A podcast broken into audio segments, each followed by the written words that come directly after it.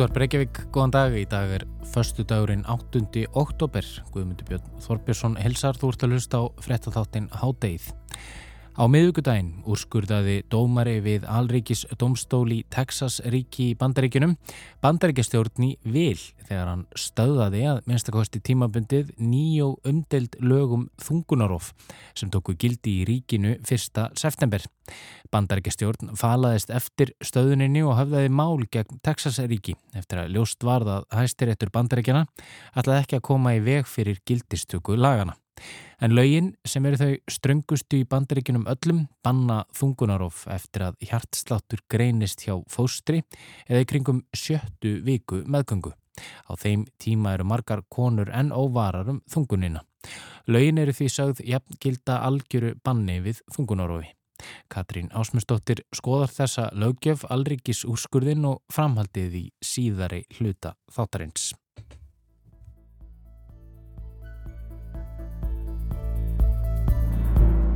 Og þá höldum við til bandarengina. Dómari við Alríkis domstóli Texas ríki varð við beðni bandarækjastjórnar um að stöða tímabundið nýja og umdelta þungunarófslögjöf í Texas.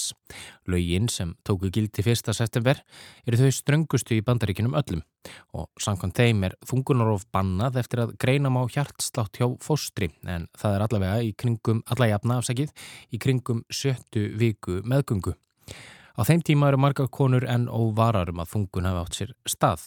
Aðeins má grýpa í nýjaf heilsa konur í hættu. Aðrar undatekningar eru ekki veittar, svo sem ef þungun kom til vegna lögbróts, til dæmis nöðgunar eða sifjaspels. Þá heimila og hvetja lögin almenning til að koma upp um hvert þann sem kann að hafa aðstróð konu við þungunarof eftir þann tíma sem lögin hveða áum og leiði máli til sektar fær viðkomandi peningagreyslu frá ríkinu að launum. Katrín tekur nú við.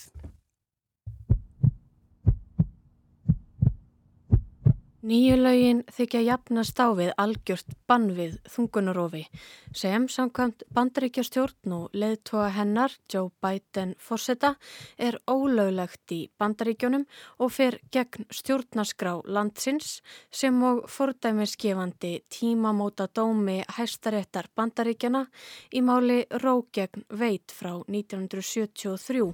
Good evening. In a landmark ruling the Supreme Court today legalized abortions en þar var kveðið á um að konur eigi rétti þungunarofs á meðan fóstur er ekki lífvænlegt utan móðurkviðs eða fram að 20. og annari til 20. og fjörðu viku meðgöngu. Með úrskurðinu var konum tryggður rétturinn til þungunarofs og einar hálfa öld hefur dómurinn þýtt að ríkjum sé ekki heimilt að setja lög sem banna fóstureyðingar með öllu. Vegna þessa ákváðu mannreitindasamtök og fyrirtæki sem framkvæma þungunarof að fara þess á leit við hæstarétt bandaríkjana að komi veg fyrir að laugin tækju gildi en meiri hluti réttarins hafnaði því eða fimm af nýju dómurum. Dómstólinn tók hins vegar ekki afstöðu til þess hvort laugin samrýmdust stjórnaskrá og gæti því áttað eftir. Joe Biden, bandaríkjafósetti, sagði ákverðun hæstaréttar fordæmalösa árás á réttindi kvenna og hétt því að hann og hans stjórn myndi leggja allt sitt í að fá laugin stöðvuð. Og nokkrum dögum síðar fyldi dómsmálaráðuneyti bandaríkjastjórnar því lovorði eftir og höfðaði mál gegn Texasríki fyrir allríkistómstól til ógildingar þessara svo kölluðu hérsláttar laga.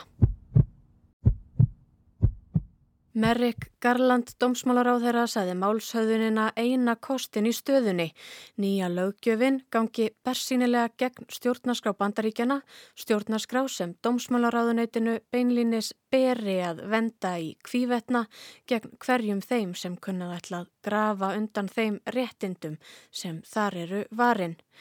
En málaferli geta verið tímafreg og það Tími er einmitt það sem hagsmuna aðilar í þessu tilviki, þungaður konur sem vilja ekki eða geta ekki alið barn, skortir.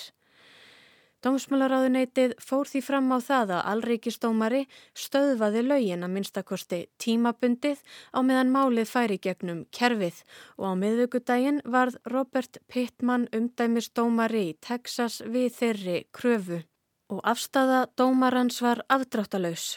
Í hundrað og eitthvað blaðsina úrskurði hans sagðist hann ekki geta leift slíkum svífyrðilegum brotum á veigamiklum stjórnarskarverðum réttindum almennings að viðgangast deginum lengur. Hins vegar veit þó enginn, að minnstakosti ekki að svo stöttu, hver lengi þessi ákverðun dómaransum stöðfun lagana mun fá að standa. En til dæmis hefur Texasríki þegar ákveðið að áfrýja úrskurðunum til efra dómstegs, dómsteg sem alla jafna er talið í íhaldsamari kantinum. En sama hvað allríkisdómstólinn og áfríunardómstólinn gerir eða gerir ekki á næstu dögum, vikum og kannski mánuðum er talið líklegt að málið endi að lokum á borði aðsta dómstegs bandaríkjana, að það verði að endingu hæstaréttar bandaríkjana að skera úrum lögmæti þessara ströngustu þungunarofslögjafar bandaríkjana. Það er að segja, sama domstóls og upphaflega staðfesti réttin til þungunarofs í áðurnemdu máli Rógegn Veit. Setti fordæmið sem bandaríkjastjórn segir nýju laugin ganga í berhög við. Í því ljósi ætti kannski að liggja beinast við hver nýðurstaða réttarins verður endi málið hjá hæstarétti. En hins vegar gefur kannski fyrri ákverðun herstaréttar í þessu máli okkur vísbendingu um annað en líkt og áður sagði vildu fimm dómarar af nýju ekki komi vekk fyrir að þungunarofslögin tækju gildi í Texas. Dómararnir fimm eru allir íhaldsamir en eftir að Donald Trump, fyrfirandi fórseti bandaríkjana, skipaði þrjáðeira í ennbætti var komin íhaldsamur meiri hluti við hæstarétt. Gjöfans heldur því áfram að gefa og móta bandarist samfélag þrátt fyrir að Trump sé farin úr ennbætti. En fyrir niðurstaða hæstaréttar og skipan domstólsins gæti því verið vísbendingum þar sem koma skal rati málið alla leið fyrir hæstarétt. Hvort rétturinn ætli sér hugsanlega að snúa við því fordæmi sem sett var af fyrirennurum þeirra fyrir um 50 árum síðan. Það geti þýtt að það verðundir hverju og einu ríki bandaríkjana komið að ákveða hvort heimila skuli þungunarof í ríkinu eða bannaða og þróun síðustu ára gefur kannski til kynna að það síðarnemda verði fyrir valinu víðast hvar að ríki fari að fordæmi Texas og feti í þeirra fótspor í þessum efnum. En á aðeinsum tveimur árum hafa sjö ríki bandaríkjana kynnt samskonar hérsláttarlaga frumvörp til sögunar þó án árangurs enn sem komið er. Þá hafa minst 20 ríki kynnt eða bóðað einhvers konar breytingar og takmarkanir á þungunarofs lögjöfsinni á tímabilinu.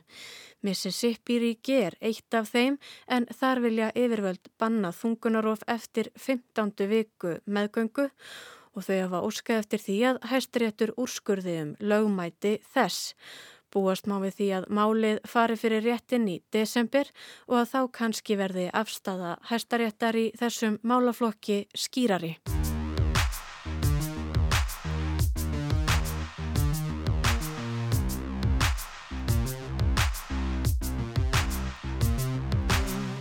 Er mikið undir því komið hvernig réttarkerfi tekur á þessari nýju lögjöf Texas, næst stæsta ríkis bandaríkjana. Lögjöfin hefur áhrif á svo margt og réttindi svo margra. Það er þegar orðið skýrt en laugin hafa þegar varpað ljósi á djúbstæð vandamál í ríkinu, misbresti sem þegar er til staðar í samfélaginu sem ekki verður úr bætt með nýju lögjöfinni sem hugsanlega gerir aðeins ílt verra. En bentið verið á að laugin bytni alls ekki á öllum hópum samfélagsins með sama hætti. Til dæmis eru svartar konur umtalsvert líkleri til að látast af kvillum sem uppgeta komið á meðgöngu og við fæðingu, líkt og aktivistinn Phyllis Everett benti á á mótmælum.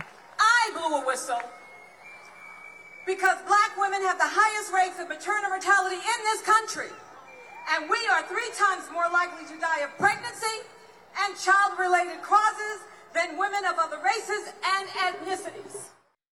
Þá er til dæmis talsvert einfaldara og auðveldara fyrir tekju hærri konur en tekju lægri að leita annara úrræða, svo sem sækjast eftir þungunarofi í öðru ríki.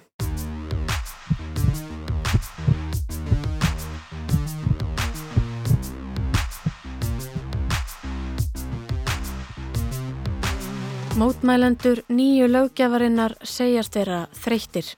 Þreyttir á að laugin, laugin sem bytna á konum, réttindum þeirra, vali og líkumum, skipa konum að haga lífi sínu og líkama á ákveðin hátt, séu ekki samin af konum. Þær komi raunar ekki að borðinu við ákvarðanatökuna, samningulagana eða gildistöku þeirra. Það séu einverðungu karlar sem gerir það, karlar sem eru í annari stöðu, tilheyra öðrum reynsluheimi og eru með annan og öðruvísi líkama, önnur og sterkari réttindi. Og það er kannski ekki beint til fyrirmyndar á þessari öldokkar. I'm really tired of men making decisions for our bodies. I truly believe in my body, my choice. Healthcare is a human right, whether it's for men or women. The bill was written and passed by men who have never had a period, will never experience pregnancy or childbirth, and who don't even know how the human body works. I'm, I'm, I'm done with people making decisions for me. It's time for me to make this decision for myself and my children. Þess utan má nefna þau áhrif sem það kann að hafa að snúa borgurum gegn hvor öðrum, gera þá tortrygna í garð samborgara sinna, hvetja þá til þess að koma upp um hvert þann sem hefur aðstóða konu við þungunarof eftir tímarama lagana, líkt og nýju laugin hveða áum og verðlauna þá svo með háum fjárhæðum frá ríkinu takist ætlunaverkið. Eða hvernig fer fyrir samfélagi þar sem alið er á vantrausti í garð næsta manns, nágranna, úberbílstjóra, móttökuritara, ættingja eða vinar. Þar sem ríkið verðlunar það að borgarar bendi hvorn á annan.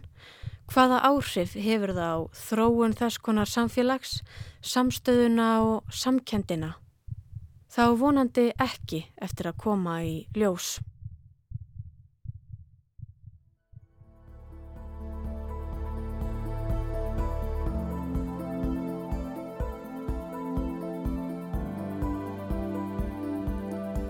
Háttegið verður ekki lengra þessa vikuna.